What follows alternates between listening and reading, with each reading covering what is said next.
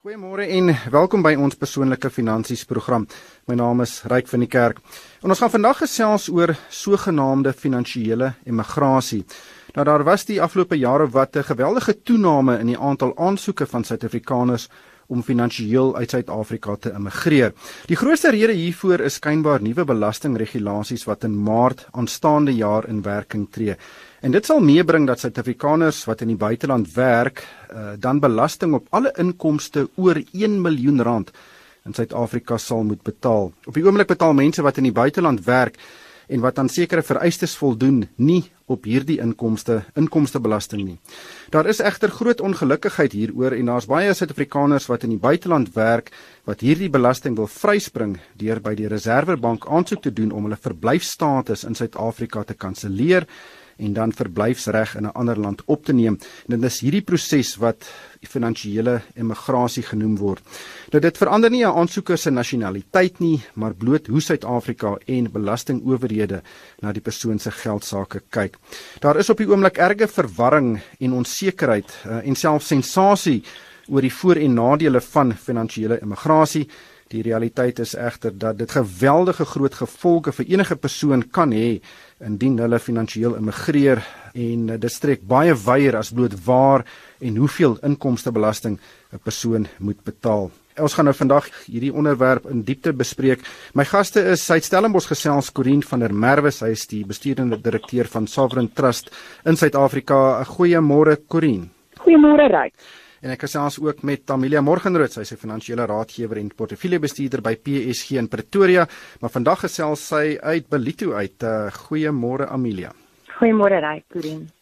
Corin, ek het nou 'n opsomming gegee van finansiële immigrasie, maar uh, presies wat is dit en en en hoekom is dit op die oomblik so omstrede? Wel, Ryk, finansiële immigrasie is basies die formele proses waardeur jy vir die Reserwebank en ook vir SARS sal dit verstaan dat jy is nie meer 'n Suid-Afrikaanse belastingpligtige ten opsigte van inkomstebelastingdoeleindes sowel as ten opsigte van reservebank reëls nie. En wat 'n finansiële 'n geweldige finansiële implikasie vir 'n persoon kan hê wat wel deur hierdie proses wil gaan is dat so 'n persoon ten opsigte van al sy bates kapitaalwinsbelasting sal moet betaal wanneer hy die dag finansiëel immigreer.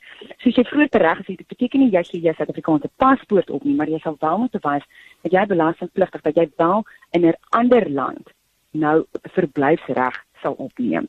Maar ons het nou gesien hier kom nou nuwe belastingregulasies in werking volgende jaar en en dit is mense wat in die buiteland werk en wat nou ook hier belas gaan word. Is hierdie finansiële immigrasie 'n oplossing vir daardie mense om te keer dat hulle dan te veel belasting betaal? Dit is definitief een van die opsies wat hulle kan oorweeg om te keer dat hulle die belasting sal bepaal, sal moet betaal. Maar wat ek dink wat dalk minder dramaties sal wees en wat wel van toepassing gaan wees op die oorgrootste meerderheid van Suid-Afrikaners wat in die buiteland werk, is iets soos migrasie vir belastingdoeleindes. Um, en wat dit basies beteken is dat jy jou permanente woning in 'n land het wat, wat wel 'n dubbelbelasting ooreenkoms het met Suid-Afrika. Jy basies in Engels sal hulle verwys na the central financial influence. As jy dit in 'n land het wat 'n dubbelbelasting ooreenkoms het met Suid-Afrika, is dit nie noodwendig nodig dat jy deur die formele proses moet gaan om finansiëel te immigreer nie. Ehm um, want in terme van ons dubbelbelasting ooreenkomste, gewoonlik as jy kan bewys dat jy 'n permanente woning in 'n ander land, het daardie land dan die belastingreg ten opsigte van jou salaris. En is dit nie noodwendig dat 1 Maart 2020 wanneer daar verandering dan inskop dat jy um, gaan belasting moet betaal teen 45% op jou inkomste wat jy in die buiteland verdien nie. Maar daar's geweldige reaksie gewees op hierdie nuwe wetgewing en en baie mense wil nou drastiese stappe neem om juis daai belasting te vermy. En ek dink nie die proses is dalk op die beste moontlike manier hanteer nie. Maar wat wat dink jy van die reaksie wat spruit uit hierdie voorgestelde nuwe wetgewing wat nou in April volgende jaar of in Maart volgende jaar in werking tree? Ja, reg, ek dink elke keer as dit aan 'n man se sak gaan vat, gaan jy, is dit 'n verwagting dat gebeur. Ek dink daar was vreeslike ontsteltenis in 2017 toe um, minister Pravin Gordhan aangekondig het dat hierdie artikel gaan verander. Dit is juis as gevolg van die lae um, hoeveelheid werkgeleenthede wat in Suid-Afrika is en die vooruitsigte is dat juist baie Suid-Afrikaners wat in die buiteland gaan werk soek en baie familietyd opoffer om in die buiteland geld te kan verdien en dan hulle gesinne in Suid-Afrika te ondersteun en wanneer sou hierdie belastingimplikasie aan hulle sak raak, gaan die vraag wees is dit moeite werd om steeds in die buiteland te werk of nie. Ehm um, ek dink ook uit tesouriese kant af nie baie leiding gegee nie en selfs gedurende die werkswinkel wat vroeër in Maart hierdie jaar gehou is, was daar nog steeds baie onsekerheid ehm um, ten opsigte van die vrae wat die mense gehad het wat hierdie werkswinkels bygewoon het. Ehm um, en al wat hulle vir ons kon sê is dat wel daar gaan 'n eenheid 'n spesiale eenheid bymekaar gesit word wat volgende jaar die vrae wat ons kan en gaan hê kan beantwoord. Ehm um, maar dit gee nie baie selfvertroue vir die proses vorentoe en en dit gee mense sekerheid oor wat kan 'n mens doen en watter beplanning moet jy ehm um, mee begin en ek dink ons waar daar onsekerheid is sê dit nie dan met 'n Suid-Afrikaner nie veral as dit 'n geweldige um, impak gaan hê op die hoeveelheid geld wat jy aan die einde van die dag gaan oor hê nadat jy jou onkoste betaal het in die land wat jy bly en miskien ook dan nou 'n groot persentasie aan belasting in Suid-Afrika gaan moet afstaan. Amelia, jy's 'n raadgewer, jy kyk na baie mense se geld sake. Hoe hoe sien jy uh, die aantal aansoeke van mense wat nou finansiëel wil immigreer? Uh, sien jy dit uh, in die mark daar buite en en dink jy mense doen dit vir die regte redes? Ja, um, ek moet sê ek, ek het nogal baie met hierdie um, met hierdie uh, hierdie so hierdie tipe hierdie ding te doen gekry in die laaste um, klompie maande ryk. Ek dink dit is 'n baie groot bekommernis uh, van mense wat in um, in die buiteland werk. Maar wat daar baie van baie van ons hooggeskoolde ehm um, mense in Suid-Afrika wat nou in die buiteland werk, is so gegaan omdat hulle 'n voordeel gekry het. Dit is hulle miskien finansiëel voordelig in die sin van dat hulle baie keer 'n belastingafslag kry. Soos baie lande lok hierdie hooggeskoolde mense na hulle toe deur spesiale ehm um, voordele vir hulle te gee. Dit weet jy self ehm um, en self nie nie daardie voordele in baie lande is die hoogste inkomste belastingkoerse skop eers in op heel wat hoër salarisse vlakke. Soos byvoorbeeld in Amerika en um, betaal jy 37% belasting as jy bo 6 miljoen rand verdien. Weet as jy nou uh, dit aan randjie terugskakel terwyl in Suid-Afrika as jy bo 1.5 miljoen rand verdien, betaal jy al 45% belasting. So daar's groot belastingverskille tussen ons en die res van die wêreld en dink baie van die mense het juist moet gegaan om hulle het, hulle het, hulle het al die hulle het, hulle het die prys betaal en 'n opoffering gemaak om hulle om hulle tuisland te verlaat juis om hierdie voordele te benut wat dan nou weer van wat nou eintlik dreigend daar's 'n daar's 'n swaard wat oor hulle hang dat hierdie voordele nou eintlik weggeneem word van hulle af. Hmm. Ja, dit is dit is 'n baie groot, dit is 'n baie groot ding dink ek. Ehm um, dit is geweldig baie Suid-Afrikaners in die buiteland. Ek bedoel niemand daar's nie offisiële syfers nie, want blykbaar hou Suid-Afrika nie rekord daarvan nie, maar hier praat van honderde, honderde duisende mense ja. wat reg oor die wêreld werk. Ekskuus reg, ek dink wat mense ook kan byvoeg is dat en, en dit raak aan die punt wat Amelia gemaak het waar dit 'n baie hoë belasting tussen Suid-Afrika is van so vroeg as 1.5 miljoen rand, as kyk na 45%. 'n miljoen rand in die buiteland as jy in ag neem dat al jou toelae ook in berekening gebring gaan word wanneer hulle gaan kyk wat is jou totale pakket wat jy in die buiteland verdien is eintlik maar baie klein as jy gaan in ag neem dat daar is verblyfstoelae wat in 'n plek soos Dubai byvoorbeeld baie hoog sal wees en sekuriteitstoelae vir mense wat in onveilige areas werk reistoelae word baie keer ingesluit sodat die persoon sy familie 2 of 3 keer 'n jaar kan besoek en hulle vlieg baie keer besigheidsklas. So as jy al daai voordele bytel, kom jy baie baie vinnig by 'n miljoen rand uit. En dit is nie 'n luksheid wat noodwendig altyd in die salaris ingesluit word. Dit is 'n noodsaaklikheid om seker te maak dat hierdie mense kan wel ehm um, hulle salaris en hulle lewensstyl bekostig dan as hulle in die buiteland werk. Kom ons gebruik gou 'n voorbeeld om die hele beginsel te verduidelik. Ek en 'n uh, een van my goeie vriende, sy naam is Gary. Hy is 'n uh, professionele duiker en hy doen baie baie werk in die Midde-Ooste en hy verdien 'n uh, groot hoeveelheid geld daar. Hy betaal nie belasting daarop nie. Ek weet nou nie presies wat dit is nie, maar kom ons sê dis omtrent 4 miljoen rand per jaar wat hy daar verdien en hy is uh, meer as die 100 en ek dink is 'n uh, 180 dae 'n jaar uit die land uit. Hy voldoen aan daardie regulasies of aan daai voorskrifte. Wat gaan met hom gebeur? Hoe gaan sy belasting aanslag verander voor en na hierdie nuwe regulasies in werking tree Gelukkig vir hom ryk bly hy in 'n land of werk hy in 'n land wat 'n dubbel belasting ooreenkoms gesluit het met Suid-Afrika. Suid-Afrika het omtrent so 98 ooreenkomste in plek as ek dit nou reg het op hierdie stadium en onder andere met die Verenigde Arabiese Emirate. En wat hierdie ooreenkomste basies bepaal is dat jy moet kyk waar 'n persoon sy permanente woning en dit is dan waar die belasting die belastingowerheid die reg het om hom te belas. So in Gary se geval, as sy permanente woning, kom ons sê byvoorbeeld in Dubai is, dan het Suid-Afrika nie die reg om hom te belas nie. Maar sou hy gereeld terugkom, kom ons sê hy het 'n vrou en kinders wat in Suid-Afrika is en hy kom elke vakansie kom hy terug. Ehm um, of hy kom dalk een keer 'n jaar kom hy terug. Dan het Suid-Afrika die belastingreg en dan is sy opsies byvoorbeeld, daar gaan ek my familie oorskuif na die Midde-Ooste toe en so kan bewys dat my permanente woning aan daai kant is of gaan ek as individu finansiëel immigreer want dit is dan die tweede alternatief om die impak van die belastingverandering te kan verminder. Indien hy dan nou nie so drasties sou optree nie, is daar ander daar struktureringsopsies, byvoorbeeld buitelandse pensioene.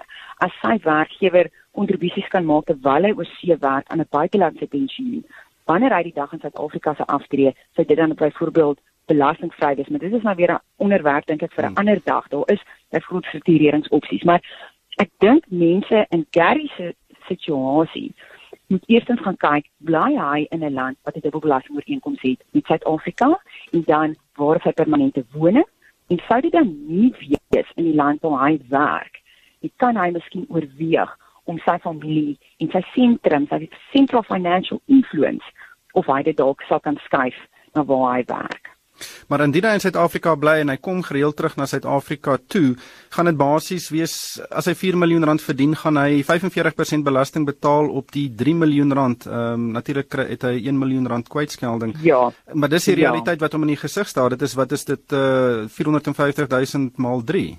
So belasting ja. wat hy gaan moet betaal. Ja. Ja, nee, dit is 'n ongelooflike bedrag. Dit maak mens eintlik heel senuweeagtig en sweterig as 'n mens dink aan die aan die geld wat betrokke is. Amelia, wat sou jou raad nou, om, Ja, wat sou jou raad wees? Hmm. Ja, ek dink die, die groot probleem eintlik hier is nie mense wat wel kyk as baie jong mense wat die land verlaat en in 'n ander land gaan uh, gaan werk en gaan woon en self eiendom daar begin koop en vir jare daar bly.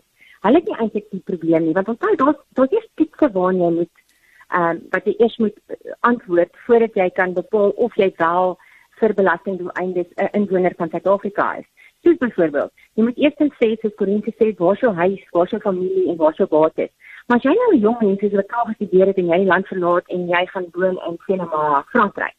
En jy jy werk daar vir 'n jaar of 2, 3 en jy, jy koop vir 'n woonstelletjie en jy bly daar, dan is dit nie jou huis in Suid-Afrika nie. So daar so daar dan sê jy kan leef vir daai tyd dan is daar die wat hulle noem die physical presence test.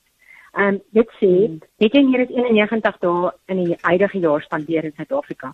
Uh, 91 dae in die in die laaste 5 jaar het jy meer as 91 dae per jaar uh, spandeer in Suid-Afrika. So baie van die jonger mense gaan al klaar nee sê vir al hierdie goed. So hulle gaan nie die probleme hê nie. Dit gaan mense wees wat in die Midde-Ooste en van hierdie lande werk wat sê nou maar elke maand of 2, 3 terugkom na Suid-Afrika toe na hulle families toe hier kom weet in by hulle kuier en dan weer ja. terug gaan. Dit gaan nie daai ouens wees wat die probleem gaan hê. En ek dink hulle gaan basies geen ander keuse hê as om die finansiële immigrasie te doen nie as hulle nie die dubbele ooreenkoms het met ehm um, soos wat Corina van gepraat het nie.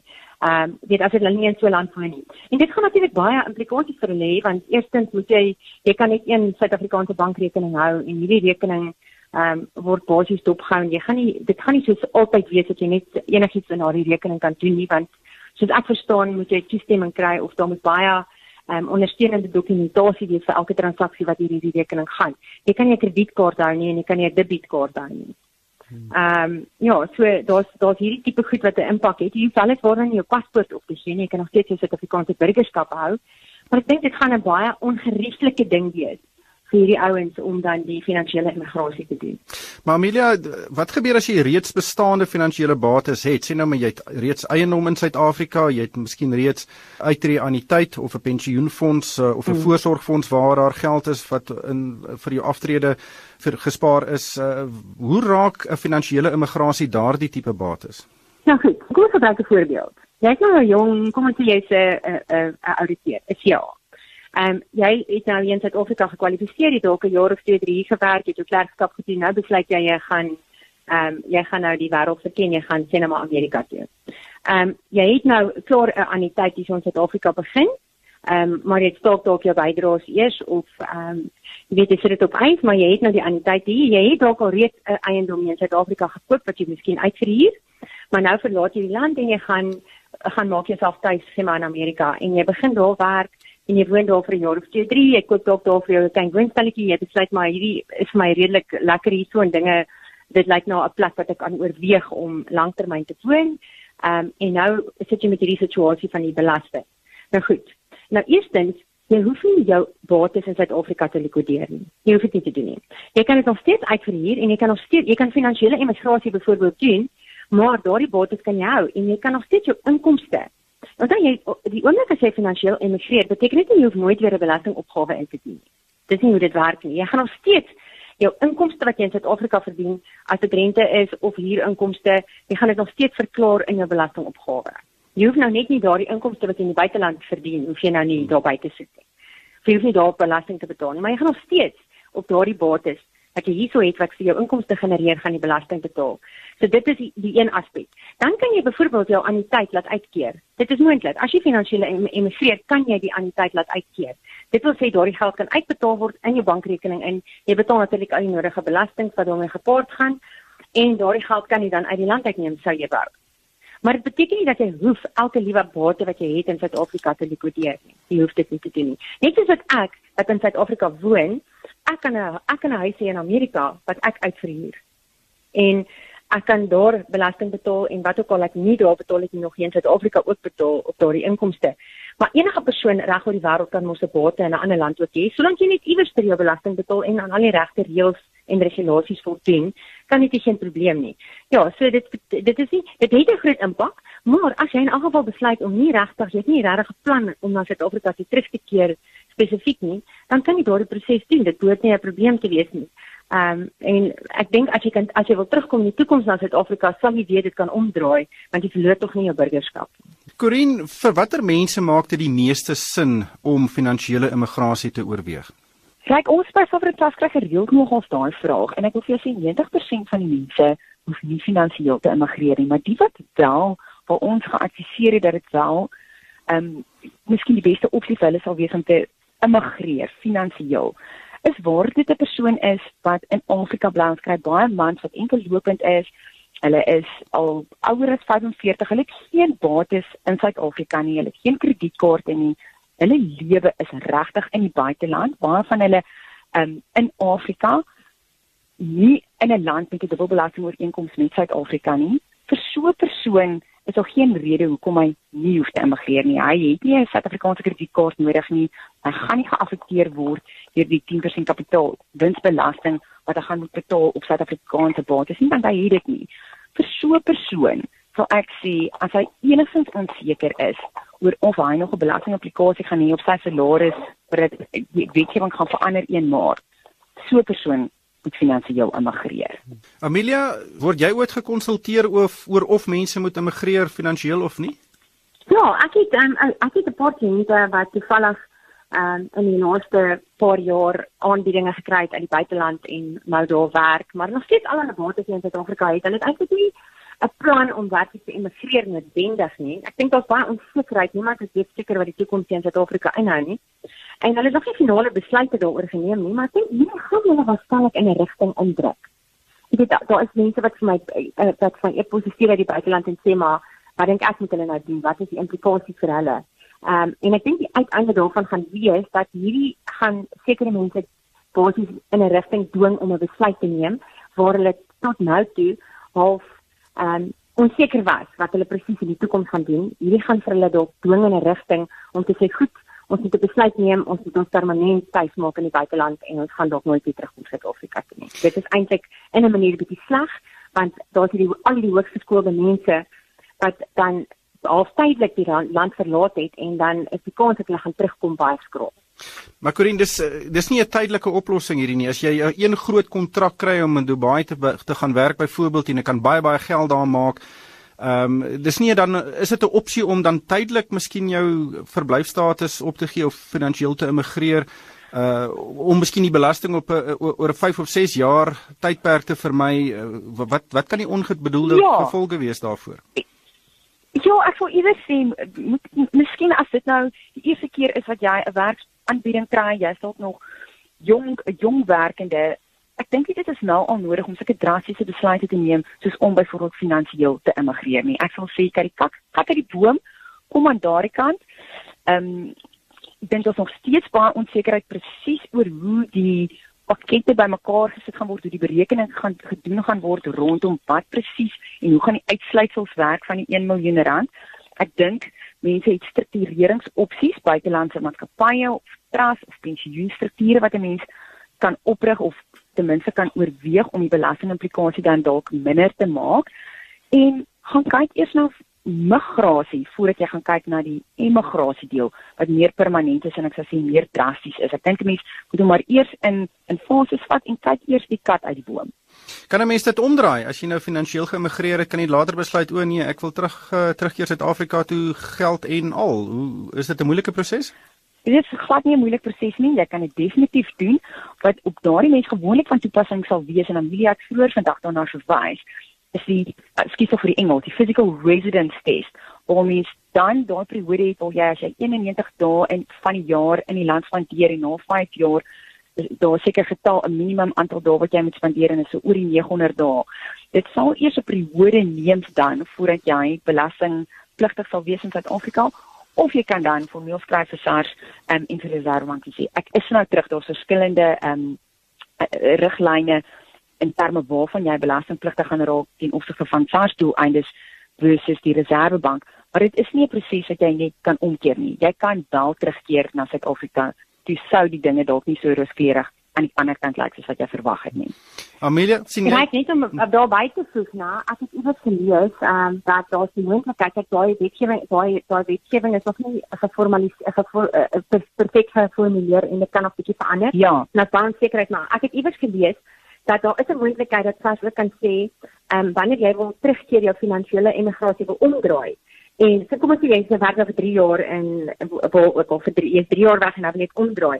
En hulle besluit of hulle sê dat jy dit gedoen om belasting te vermy, die finansiële emigrasie en hulle dit omdraai, dan kan hulle byvoorbeeld sê, ons gaan jou belasting bereken op die 3 jaar wat jy weg was en jy moet eers daardie belasting betaal voordat ons dit vir jou um, omdraai. Ek dink die boodskap wat ek hier kry is uh dis 'n baie baie groot finansiële besluit. Dit is baie ingewikkeld. Gaan sien 'n professionele persoon en gaan sien dalk meer as een professionele persoon om al die inligting te kry wat jy nodig het om die beste moontlike besluit te neem. Maar ongelukkig moet ons hier haltroep. Baie baie dankie aan Corin van der Merwe, sy is die besturende direkteur van Sovereign Trust Suid-Afrika en ook Amelia Morgenrood, sy is die finansiële raadgewer en 'n portefeuljebestuurder by PSG in Pretoria. Baie dankie vir julle deelname vandag. Uh, maar ongelukkig het dit ons ingehaal en ons moet groet van myself Ryk van die Kerk en die Money Web span. Dankie vir die saamluister.